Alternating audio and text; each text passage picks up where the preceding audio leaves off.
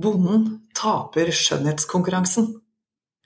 Jeg heter Anne Ekornholmen, og i dag er det 2. juli. 60 tonn matpoteter går rett til kompost fordi skallet ikke er pent nok, og bonden gir seg som produsent. Det tullet må vi slutte med. Å kaste 60 tonn poteter pga. feil utseende er nesten vanskelig å finne ord for. Hvorfor skjer det når alle ledd i verdikjeden har satt seg mål om å begrense matsvinn? Hvorfor skjer det igjen og igjen når det beviselig er meningsløs sløsing med ressurser og energi, med alt fra arbeidstimer til diesel?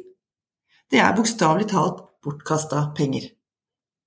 At norskproduserte råvarer går rett på dynga før de når butikkhyllene og forbrukerne, er kontraproduktivt for alle gode ønsker om økt sjølforsyning av rein norsk mat lagd på lokale ressurser. Det er uetisk og veldig langt fra honnørordet bærekraft, som hele verdikjeden slåss om å smykke seg med. Tidligere i sommer la bonden Ivar Thomas Høgseth alt sitt utstyr for storskalaproduksjon av potet ut for salg. Han ga seg med øyeblikkelig virkning. Da han kom til pakkeriet med potetene, blei nemlig hele partiet underkjent. Skallet var ikke pent nok. Han fikk ikke lov av Bama til å levere til butikkene. Høgseth tapte rundt en halv million kroner, og får ikke dekka utgiftene til å dyrke, høste og lagre potetene. Han sier det blir feil når kvaliteten på potetene bestemmes av skjønnhet og ikke matkvalitet. Det sier altså mannen som i 15 år har vært en av de største potetprodusentene på Helgeland og i Nordland. Eksempelet viser hvordan potet- og grøntprodusenter står maktesløse når de ikke får levere råvarene sine. Dette er produsenter som baserer inntektene i stor grad på det de kan ta ut i markedet, altså fra salg til forbrukerne i butikk.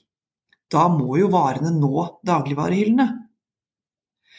Bundet av kontrakter er det imidlertid ingen andre å levere til når mottakerleddet sjalter ut poteter, gulrøtter eller andre varer basert på gitte kriterier.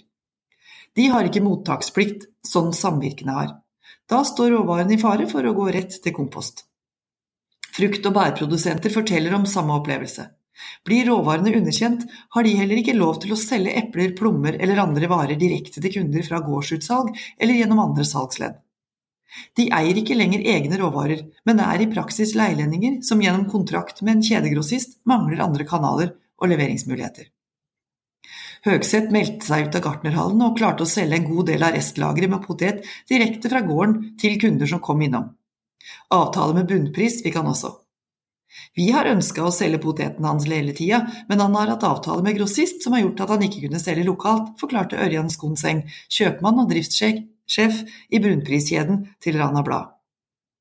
Tilbake i 2013 beskrev en rapport fra Ruralis bl.a. hvordan slik kontraktsproduksjon har vært en kraftig driver av strukturendringer i grøntsektoren, og advarer om at en tilsvarende utvikling for melk og kjøtt kan få dramatiske konsekvenser for distriktslandbruket. Gartnerhallens organisasjonssjef Gunn Jorunn Sørum påpeker at de, som mottak for poteter, grønnsaker og frukt, ønsker å ha grønnproduksjon spredt over hele landet. Det citat, sikrer en større egenproduksjon. Men mindre aktører sliter med å komme seg inn på markedet med faste avtaler, fordi de tilbyr små volum. Og sentraliseringa av pakkerier fører til lang fraktvei for råvarene, lang lagringstid og større risiko for svinn pga. utseendet. At markedsmekanismene gjør at tonnevis med råvarer produsert på norske naturressurser blir kasta, går på tvers av all etikk og logikk knytta til sjølforsyning og beredskap. Alle som har hørt budskapet fra totalberedskapskommisjonen skjønner at det ikke kan fortsette. Det er enkelt å peke på at dagligvarebutikkene har strenge krav til kvalitet. Når Norgesgruppen, Bama, Stiftelsen Norsk Mat og Tine er blant selskapene som har signert det såkalte matskiftet, så må det imidlertid gi synlige resultater i arbeidet mot matsvinn. Hva skal de ellers med ti prinsipper for hvordan virksomheter kan bidra til et mer bærekraftig matsystem? En rar løk smaker like godt, skriver Gartnerhallen på sine nettsider. Bevisstheten om norsk matproduksjon øker i befolkningen. 80% av forbrukerne som velger norsk mat framfor importert, gjør det fordi de mener sjølforsyning er viktig. Det kommer fram i en undersøkelse utført for stiftelsen Norsk Mat. Det gir også grunn til optimisme. Er det noen de store aktørene kan komme til å lytte til, er det nettopp forbrukerne. Penga.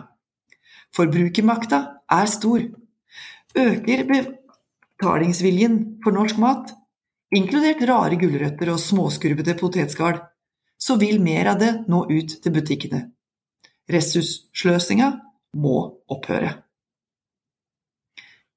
Jeg heter Anne Ekornholmen, og dette her var Nasjonen på øret for i dag. Vil du høre flere kommentarer, finner du dem uansett på nasjonen.no, og der du hører dine andre podkaster. God sommer!